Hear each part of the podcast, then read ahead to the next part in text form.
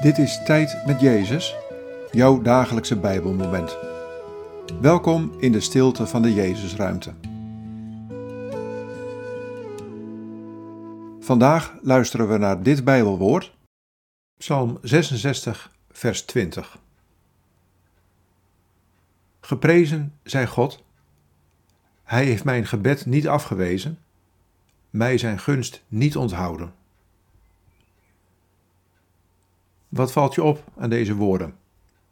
Wat raakt je?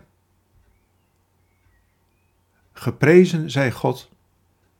Hij heeft mijn gebed niet afgewezen, mij zijn gunst niet onthouden.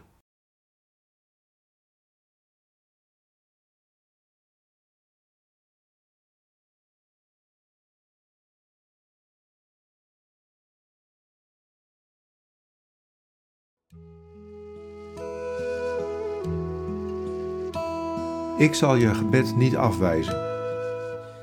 Ik weet dat je dat gevoel wel eens hebt als je niet ontvangt waar je zo naar verlangt. Maar ik hoor je gebed en ik deel steeds opnieuw die genade aan jou uit die jij op dat moment nodig hebt. Zet je hart open en ontvang mijn genade en mijn vrede, hier en nu.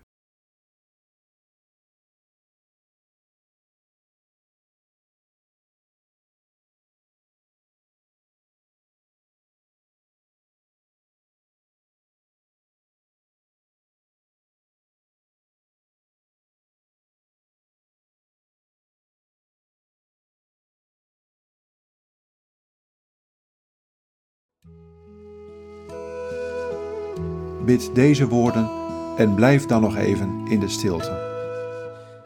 Heer Jezus, dank u dat u mij uw genade gunt.